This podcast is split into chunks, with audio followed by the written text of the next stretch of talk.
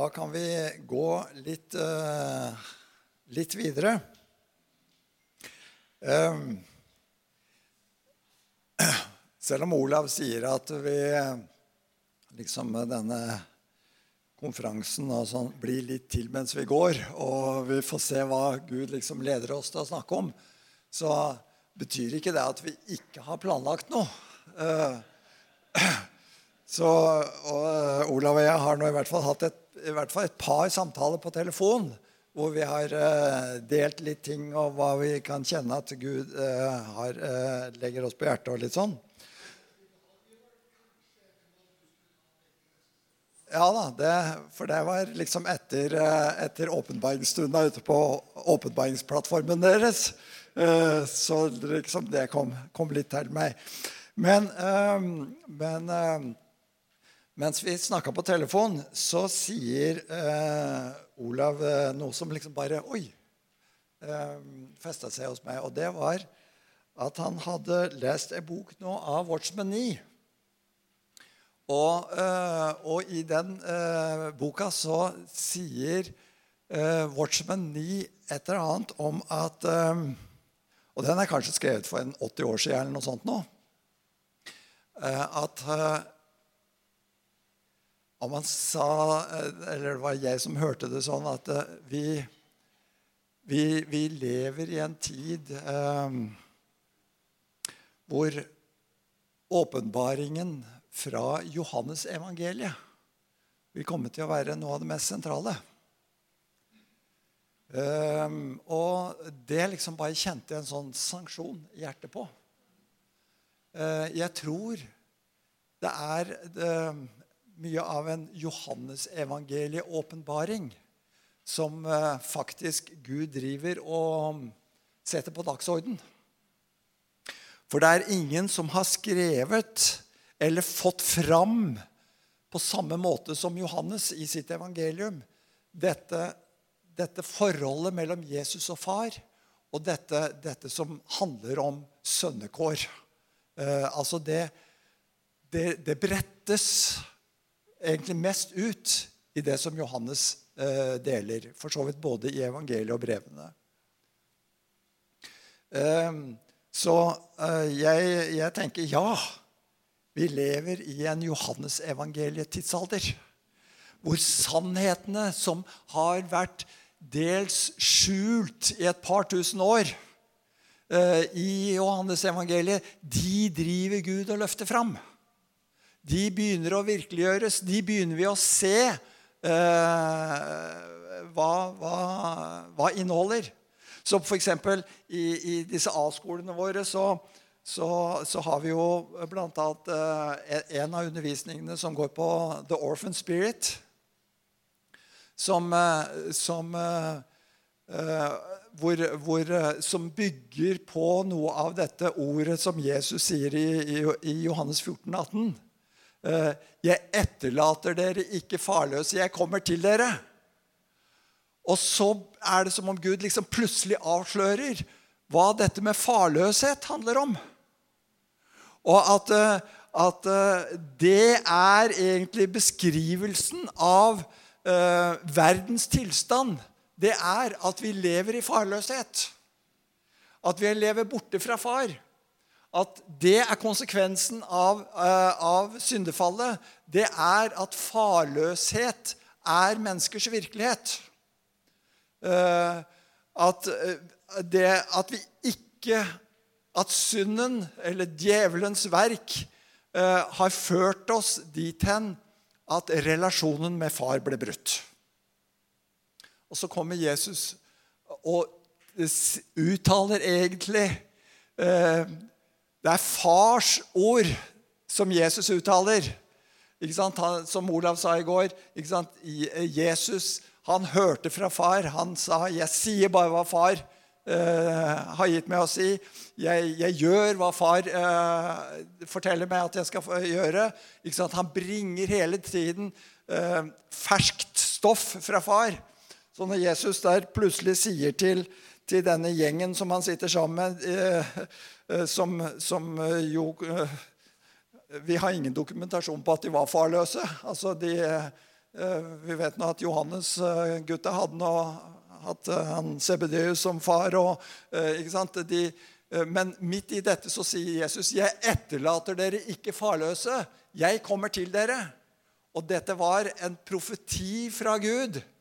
At farløshetens tid var brutt. Den var over. Eh, nå kommer noe nytt. Dette, dette har bare vært én av hva skal jeg si, de mange skjulte sannheter i Johannes evangeliet som, som jeg tror Gud driver og åpenbarer eh, for oss mer og mer. Og eh, Og noe av det som jeg har lyst til å, å snakke om nå, det er at Og som du finner i Johannes evangeliet, men for så vidt også i de andre eh, evangeliene, det er at nå er tiden inne hvor Gud åpenbarer sin familiedimensjon.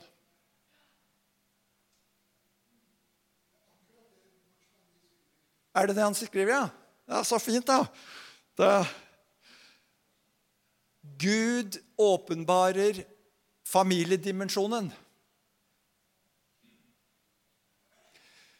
Gud framstår som far. Og Jesus' sønnerelasjon til far åpenbares, og dermed vår posisjon som sønner i Kristus, sånn som jeg snakket om i første økt i dag. Det blir virkelig for oss. Altså, dette blir ikke bare teori om at vi er Guds barn og hører til hos Gud osv., men det blir virkelig for oss at vi skjønner vi tilhører Guds familie. Vi får erfare familiekvalitetene. Vi er en del av denne familien i Kristus.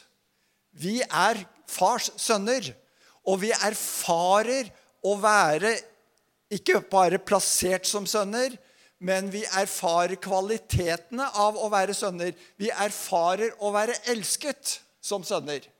Og at det å være elsket av far er ikke bare en teori, noe vi vet ja, Gud er en kjærlig Gud.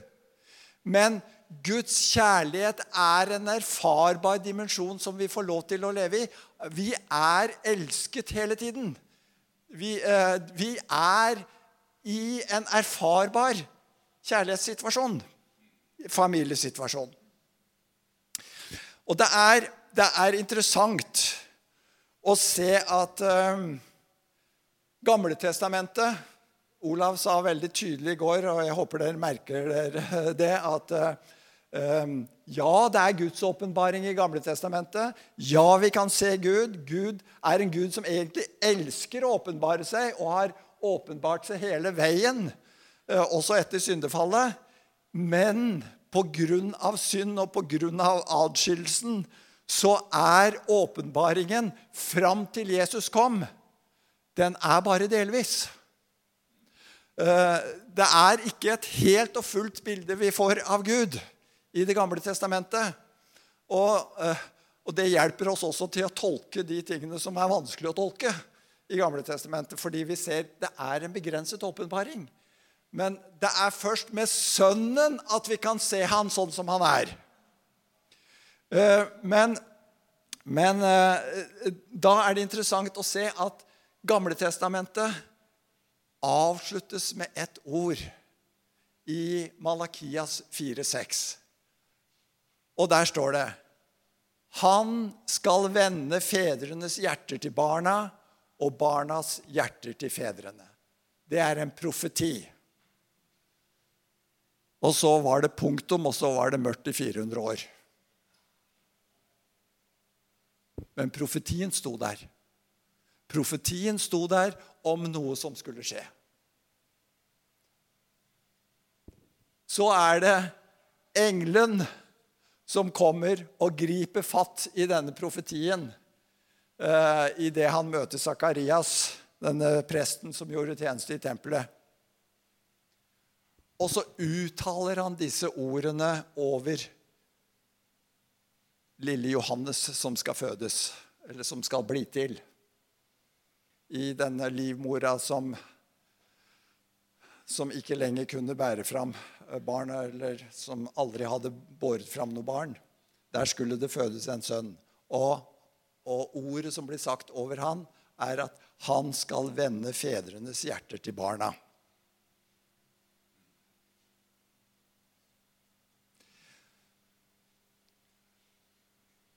Dette, slik jeg oppfatter det, så er ikke dette et ord om at dette, det, disse tingene her skal Johannes fikse.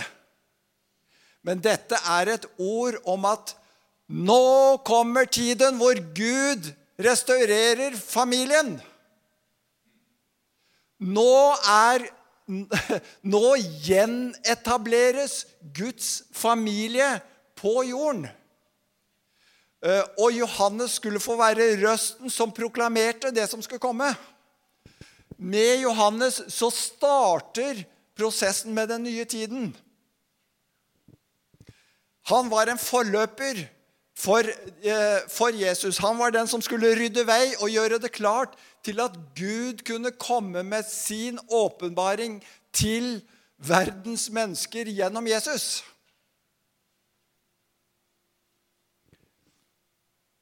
Og det er som om, er som om uh, uh, Vi har et tidsskille i verdenshistorien her.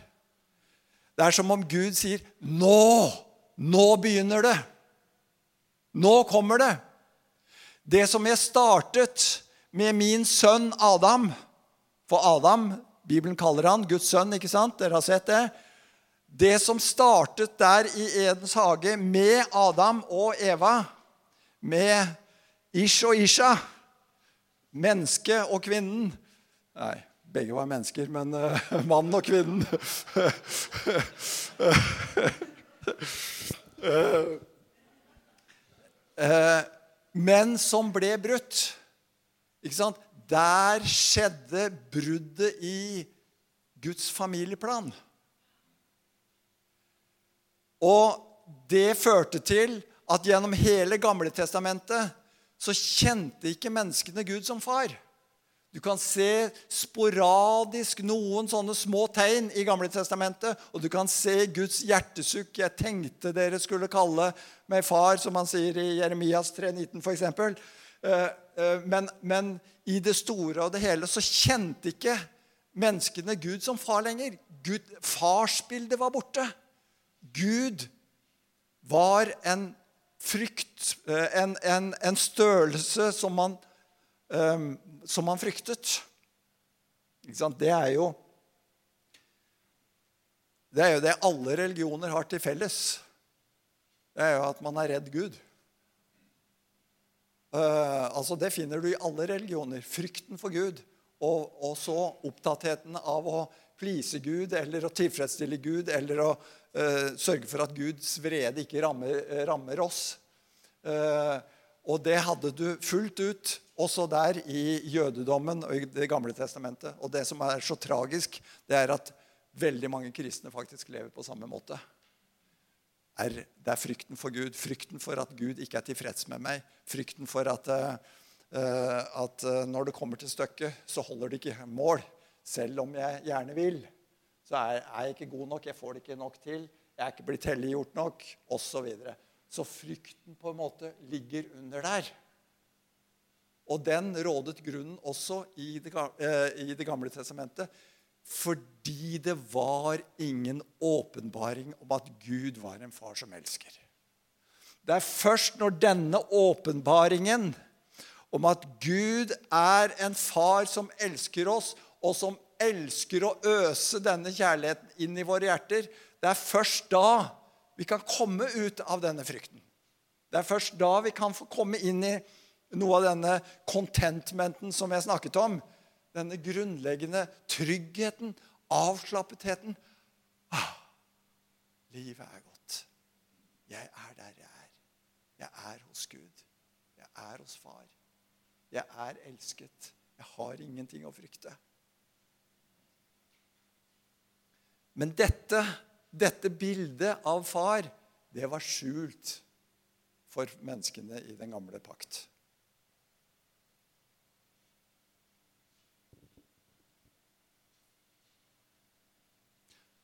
Og så er det som om engelen kommer der til Sakarias i, i tempelet. Og så er det som om han sier at nå begynner familierevolusjonen. Nå kommer det nye.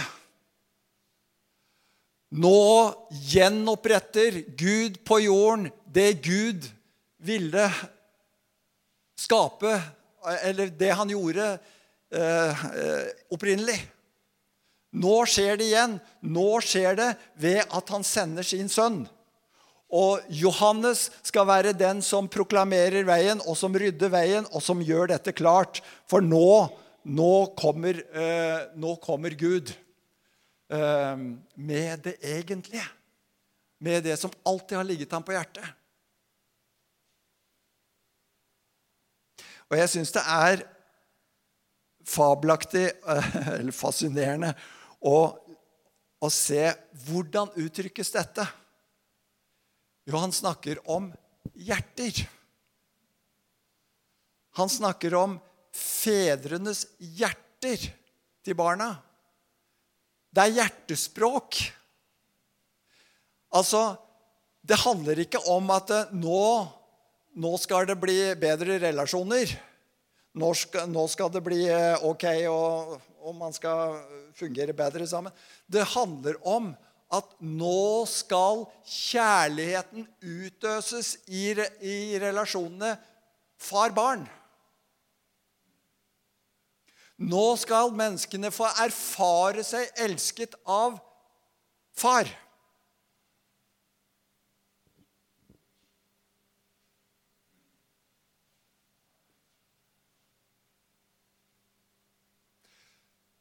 Nå kommer, nå kommer jeg og skal demonstrere far-sønn-relasjonen for dere. Det var det som skjedde med Jesus. Altså Når han sier 'fedrenes hjerte til barna' Det er, det er hvitt. eh, Altså Gud uttrykker seg her hvitt om alt som heter far og barn. Og, men det har sin rot i hans egen relasjon til sin sønn. Og den relasjonen som nå ble synliggjort på jorda mellom far og sønn, mellom Gud og Jesus, det blir, eh, det blir den nye virkeligheten, og det blir det som, som, han nå etablerer, og som blir som han ønsker å lede mennesker inn i akkurat den virkeligheten. Så når han sier han skal vende fedrenes hjerte til barna, så har jeg har tenkt på det slik tidligere at ja, det, dette handler jo om noen mellommenneskelige relasjoner. Ja, jeg tror det handler om mellommenneskelige relasjoner. Men det er mer enn det. Det er dypere. Det handler om at Gud reetablerer far-sønn-forholdet. Og Gud demonstrerer det i sin egen relasjon til Jesus. Og han slutter oss inn i akkurat denne relasjonen. Så når han sier at han skal vende fedrenes hjerte til barna, så handler det om at vi kommer inn i nettopp den relasjonen jeg snakket om før pausa. Altså at vi får erfare å være elsket av far. Vi får leve i Kristus sin egen relasjon til, til sin far. Og det er den virkeligheten som Gud etablerer på jorda, og som egentlig Gud profeterte i Malakias, og som han gjentar overfor Johannes døperen, eller overfor Sakarias. Ja, så vi, vi, må skjønne at dette, er, dette har et guddommelig perspektiv. Dette handler om guddommelig relasjon. Det handler ikke bare om en mellommenneskelig relasjon. At nå skal, nå skal vi liksom få det mer ålreit sammen. Nå skal eh, fedre begynne å oppføre seg bra overfor unga sine, og unga skal begynne å, å, å, å følge det uh, fjerde bud og begynne å uh, hedre far og mor sin. Liksom. Det er noe mye dypere enn dette.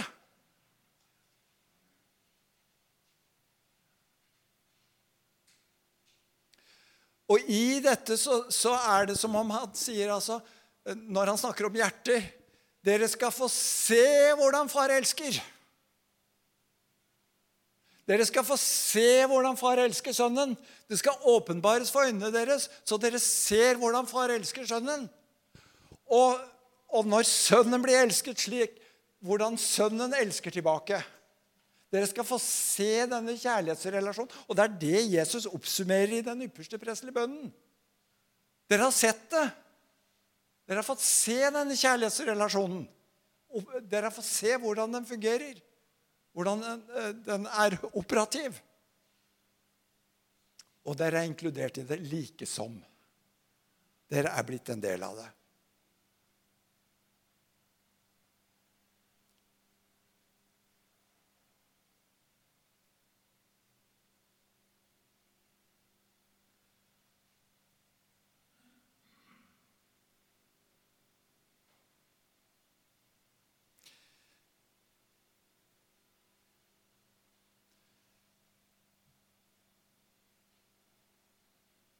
Det, det som, som, skjer her, tror jeg, er jo først og fremst at Gud rest, restaurerer sønnekåret.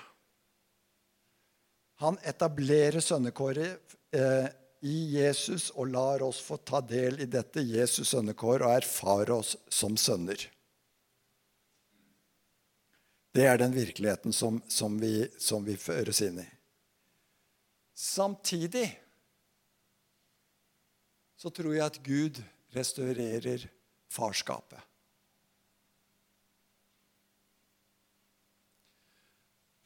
Det å leve i dette sønnekåret, det innebærer også at Gud demonstrerer familielivet også mellom mennesker. Dette som har sin opprinnelse og modell og den virkeligheten vi lever i eh, på det horisontale plan her, oss og Gud i Jesus, det er også noe som Gud eh, virkeliggjør og manifesterer på det horisontale planet mellom mennesker. Så når han snakker om, om denne enheten som, eh, som eh, han etablerer, eh, så ligger det også i, i denne profetien til Malakias at eh, det, det handler også om det vertikale plan. derfor kan han uttrykke seg som han gjør. Vende fedrenes hjerter til barna. Fordi det inkluderer oss som fedre, og det inkluderer oss som barn i relasjon også til hverandre. Det er et, eh, et herlig ord uh, som, uh, som Paulus sier i Efeserbrevet 3,14. Han sier, 'Derfor bøyer jeg mine kne for Far', Han som har gitt navn til alt som kalles Far på himmel og på jord. Altså all fedring.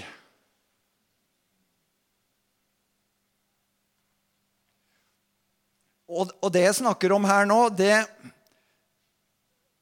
det har vi vært forsiktige om å snakke om i, i eh, fars faderhardt-sammenheng. Fordi at eh, det har vært så maktpåliggende at vi liksom eh, skal komme inn i det å være sønner og få en sønneidentitet. Men du vet det at det er normalt for sønner å bli fedre.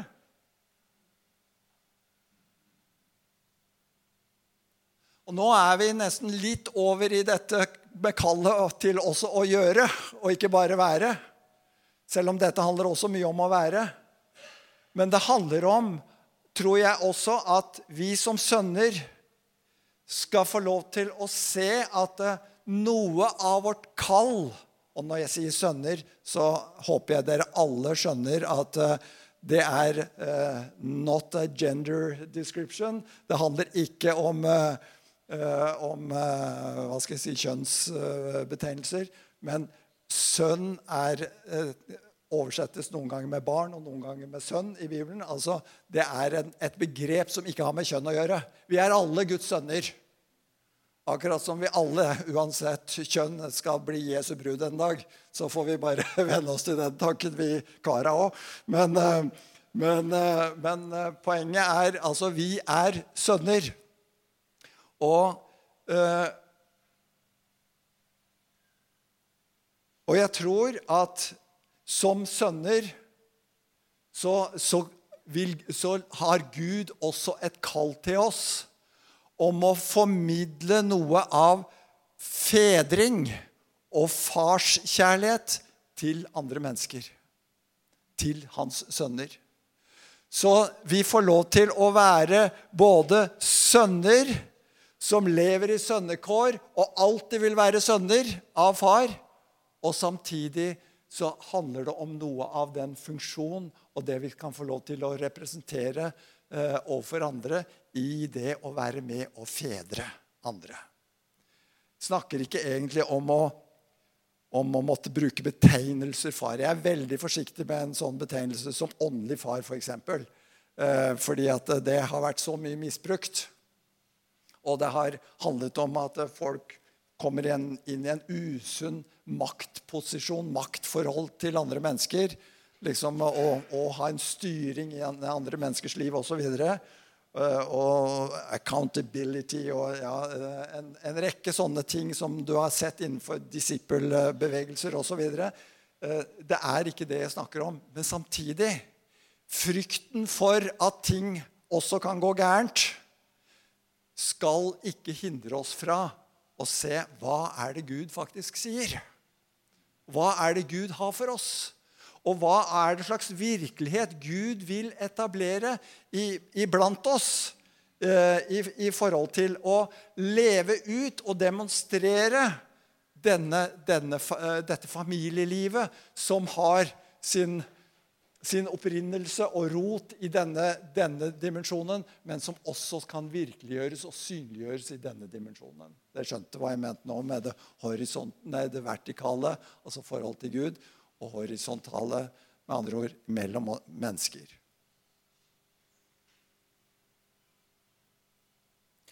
Og jeg tror at uh, dette er noe av Guds tanke med menigheten. Jeg tror at menigheten Og derfor liker jeg veldig godt at dere skifta navn fra Josva-kirken til Familiekirken.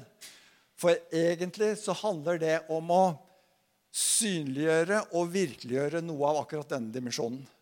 Gud vil ha en familie på denne jorda. Det skal få være en familie som lever ut eh, familielivet slik som Gud hadde tenkt det. Og det skal få, man skal få kjenne i en familie at her hører jeg til. Her, Dette er mitt hjem. Her erfarer jeg kjærlighet. Her er jeg elsket. Og her kan jeg få lov til å gi ut det som, som er i meg, og dele med andre. Så menigheten er egentlig Guds, Guds visjon om å eh, ha et, noe som kan demonstrere den himmelske virkeligheten i denne verden. Så, så, menighet er så mye mer enn å snakke om at jeg går i en menighet.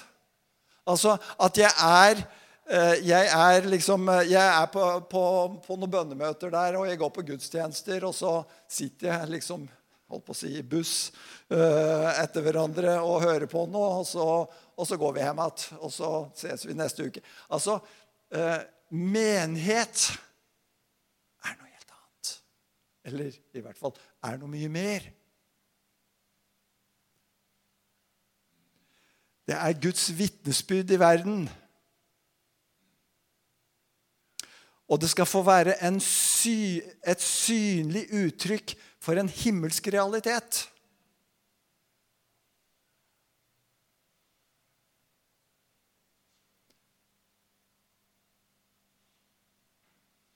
Et sted hvor vi stadig kan få kjenne at vi kan få ta imot oppmuntring til å leve dette livet videre, også når vi ikke er til stede i fellesskapet. Um, og hvor, hvor, vi kan kjenne at uh, Gud kommer og styrker og oppmuntrer meg til å leve det livet som jeg er kalt til å leve i denne verden. Ikke et sted hvor vi har primært et fokus på rett og galt. Uh, du sa vel noe om det i går, tror jeg, Olav, om, uh, om dette her med, med unga våre som, som, gjør noe gærent. Også.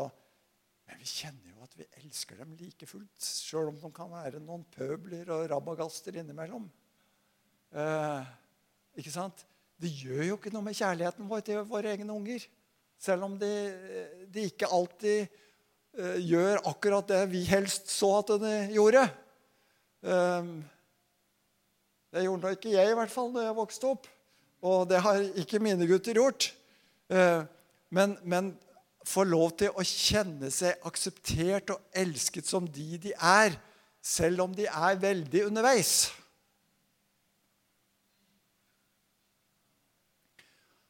Og dette vet du, det bryter også med manges, manges bilde av Gud, hvor de tror at Gud er så synsfokusert. Tror at Gud er opptatt av at vi skal oppføre oss rett og gjøre rett og ikke gjøre gærent. Og så lenge vi, vi, vi eh, gjør det riktige og ikke gjør det gærne, så er vi liksom der vi skal være. Dette er en oppfatning som har sin, sin rot i det gærne treet i hagen. Det er kunnskapens tre om godt og ondt, rett og galt. Det er ikke livets tre som vi spiser av når dette er det som Den måten vi lever på, den måten vi tenker på.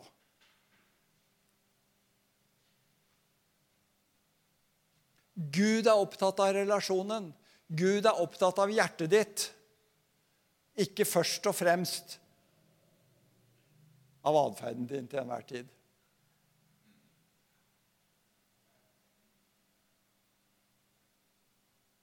Så i den grad du kjenner liksom at, eh, at denne frykten for å gjøre galt er liksom en styrende dimensjon i livet ditt, så vil jeg bare oppmuntre deg til å gi den der til Gud. Altså, Det er ikke slik Gud. Det er ikke slik far er. Han elsker deg for den du er. Han elsker at du har kommet inn i relasjon til han. Han elsker at han kan få lov å elske deg. Og så vil han forme deg. Han vil forandre deg. Jeg sier ikke at, ikke, at ikke synd betyr noe. Sier ikke det. Det kan vi få lov til når vi kjenner at, eh, at, vi har syndet. Så kan vi få bekjenne det både for Gud og for hverandre. Så kan vi få legge det bort. Men vi kan få vite at det er ikke det som er Guds fokus når han ser på deg. Det er ditt hjerte. Det er det at han kan få være, få lov å elske deg og få ha deg som sin.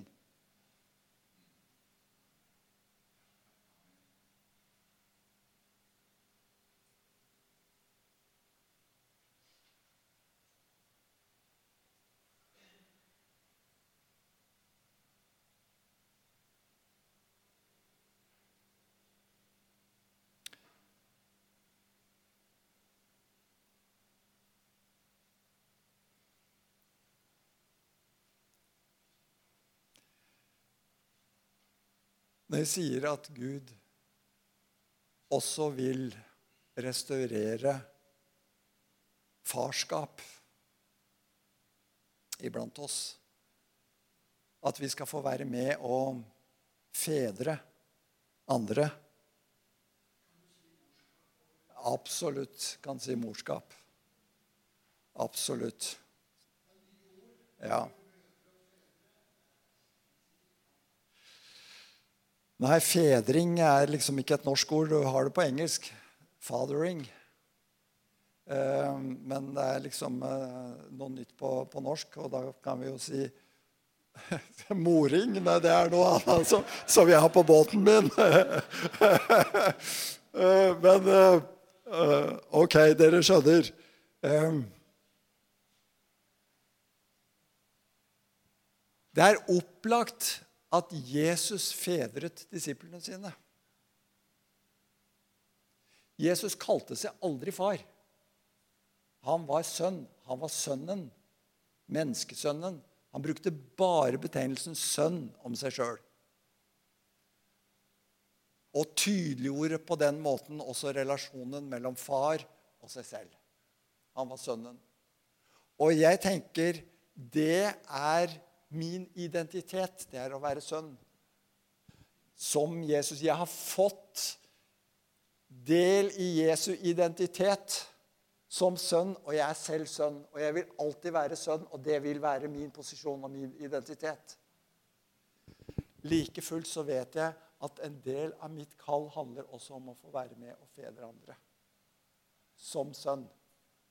Det betyr ikke at jeg går rundt og kaller meg far eller åndelig far, men det betyr at jeg lever i en bevissthet om at jeg er med og fedre mennesker. Mm. Jeg er sønn men jeg er med å fedre mennesker. Og på den måten være med og virkeliggjøre dette guddommelige familielivet på denne jorda. Og så er det nettopp for, for å, å, på en måte bryte med noe av denne, denne tankegangen om at du eier de som du liksom har eh, en fedringsfunksjon overfor så syns jeg at det er så fantastisk å tenke på at jeg kan få lov til å være med og fedre noen som ikke er mine. Og fedre dem inn i en relasjon til far. Og der eh, Noen av dere har hørt eh, meg snakke om at det, da Olav og jeg var på, på New Zealand, så var det slik at vi, eh, vi var på et sånn eh, prof, prophetic preaching-skole med James Jordan i 14 dager. Forferdelige greier. Um, Når jeg sier forferdelige greier, så er det fordi at uh, jeg tror vi alle liksom kjente på nervøsiteten. Altså Én ting var at det var mye budskap om å dø. Så det var mye død, mye død og elendighet der. Det handlet mye om å liksom dø fra seg selv. Eh, og Watchman 9 snakker jo veldig radikalt om dette med å dø. Så, så det, det, var en del eh, av fokuset. Men så var det også det at vi to ganger i løpet av den, den, de to ukene så måtte hver og en av oss stå opp og holde en preken på åtte minutter. eh, hver oss.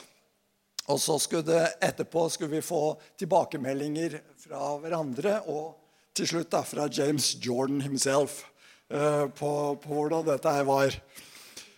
Og det var veldig tydelig å se, og jeg merka det sjøl, en del nervøsitet ute og gikk blant, blant ganske drevne predikanter, veldig mange av dem. Um, men um, så Og Jeg lurte på hva skal jeg, hva skal jeg nå preke om, jeg, da? På åtte minutter. Um, og så hadde jeg en prat med kona mi. Og det er veldig ofte sånn at det er kona mi som setter meg på sporet av ting. Uh, hun har litt sånn profetiske tendenser, så hun, hun, ser ting eller får ting, og så sier hun det.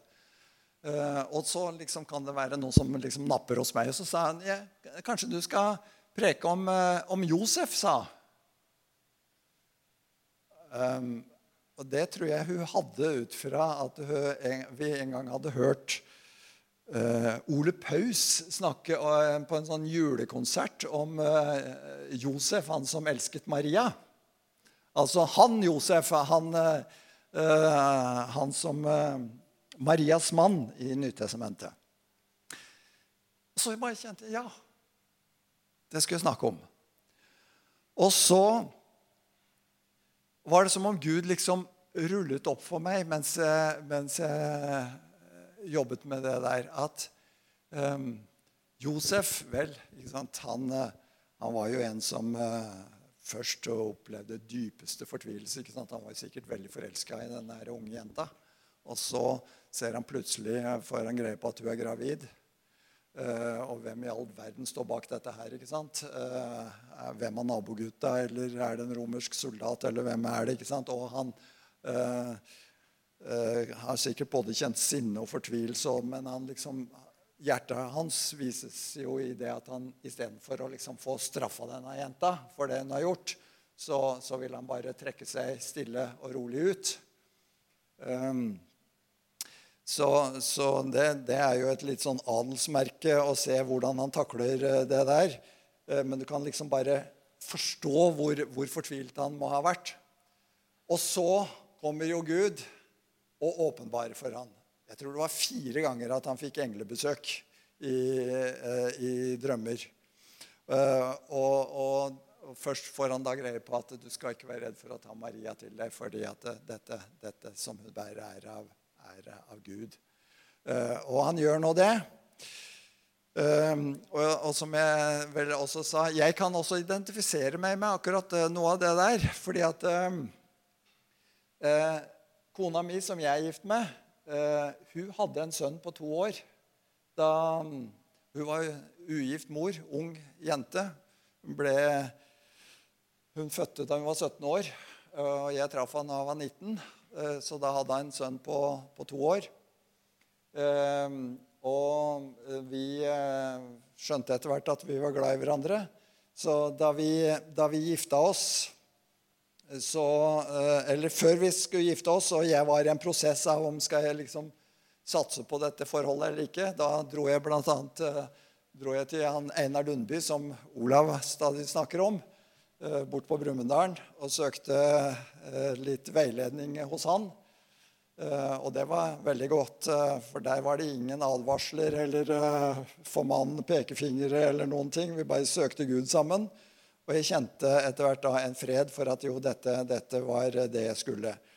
Men noe av min utfordring der var jo det å skulle gå inn og være far til en som ikke jeg i utgangspunktet var far for å være far for en sønn som ikke i utgangspunktet var min sønn. Da vi, da vi gifta oss, så adopterte jeg han, så han er fullt og helt min sønn, men han er adoptert. Så jeg kunne liksom identifisere meg litt med han uh, Josef, da, som, som, liksom sto overfor denne utfordringen. Oi, ja, ja, nå skjønner jeg nå i hvert fall at Maria ikke har vært utro. Uh, så han var sikkert veldig letta med tanke på det. Men uh, så på den annen side Oi, åssen er det for meg å skulle gå inn i en farsrolle for en som ikke er min egen sønn? Men han må opplagt ha tenkt det og kjent at jo, det, det kan jeg ta. Det vil jeg gjøre. Og, og så ser vi hvordan han har vært far, hvordan han beskyttet dem, hvordan han sørget for å, at de kom seg unna Israel og over til Egypt og tilbake til Egypt, og, og så ikke skulle være i Judea, men oppe i Galilea osv. Så sånn. Hele den reisen. Det var Josef som hele tiden utøvde sitt farskap eh, overfor Jesus i denne situasjonen. Og eh, så vet vi jo at Jesus eh, han var ikke bare tømmermannens sønn, men det står jo også at han var tømmermannen.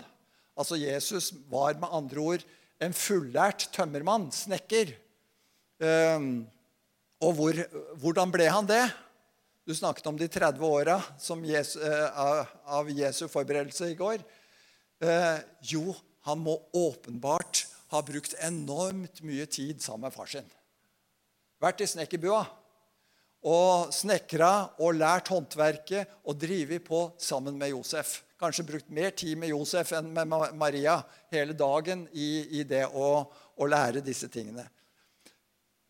Og jeg er sikker på at i løpet av denne tida her så, så har Jesus sikkert spurt Josef gang på gang. Josef, pappa, hvordan var det dette når engelen kom til mamma? Og hva var det engelen sa til deg når, når vi skulle flykte til, eh, til, Egypt. Og hele tiden, og Josef har eh, gang på gang fòret Jesus i oppveksten med sine egne erfaringer med Gud og Guds ledelse.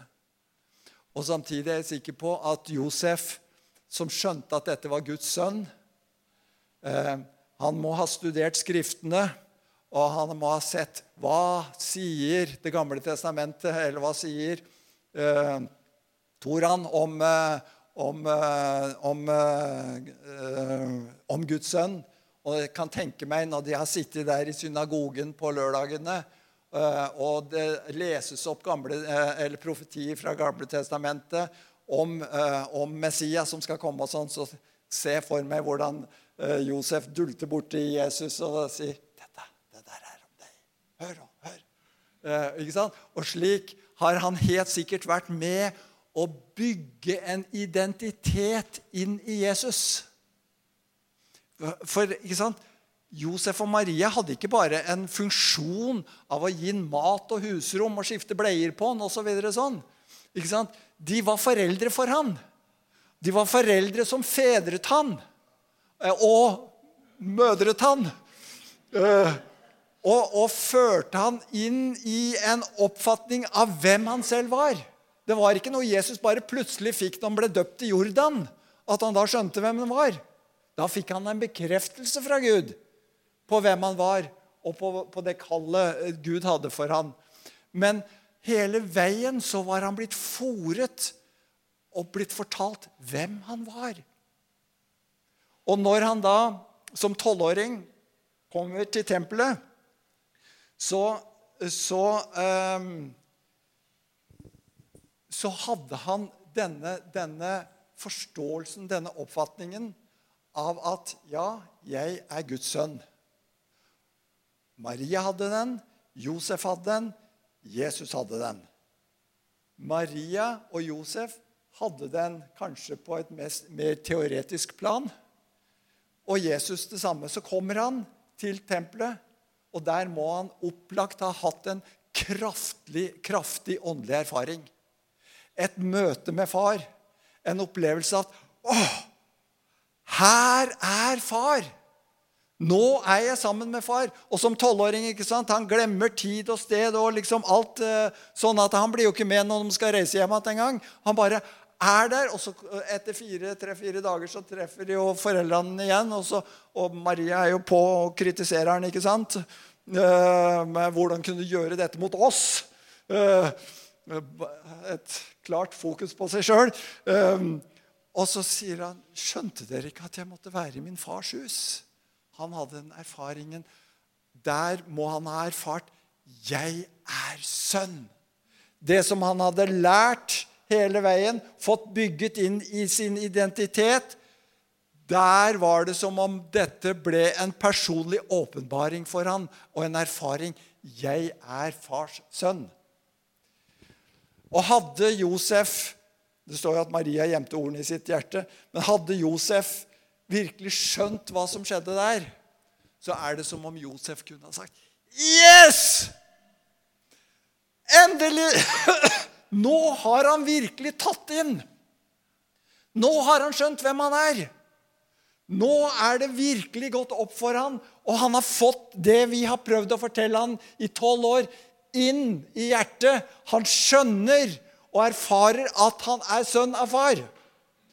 Så egentlig var det den dagen der hva skal jeg si, suksesskriteriet på eh, Josef sin oppdragelse av sin sønn. Han så 'Jeg har oppdratt, jeg har ført min sønn inn i sønnekår til far'. Og for meg er dette som et, et, godt eksempel på nettopp noe av det kallet som Gud har til oss. Det er å få lov til å føre mennesker som ikke tilhører oss, men som vi kan få lov til å fedre inn i sønnekår til Gud far. Det tror jeg er noe av det som, som Gud har for oss i, i menighetene. Og, og må jeg bare ta bort denne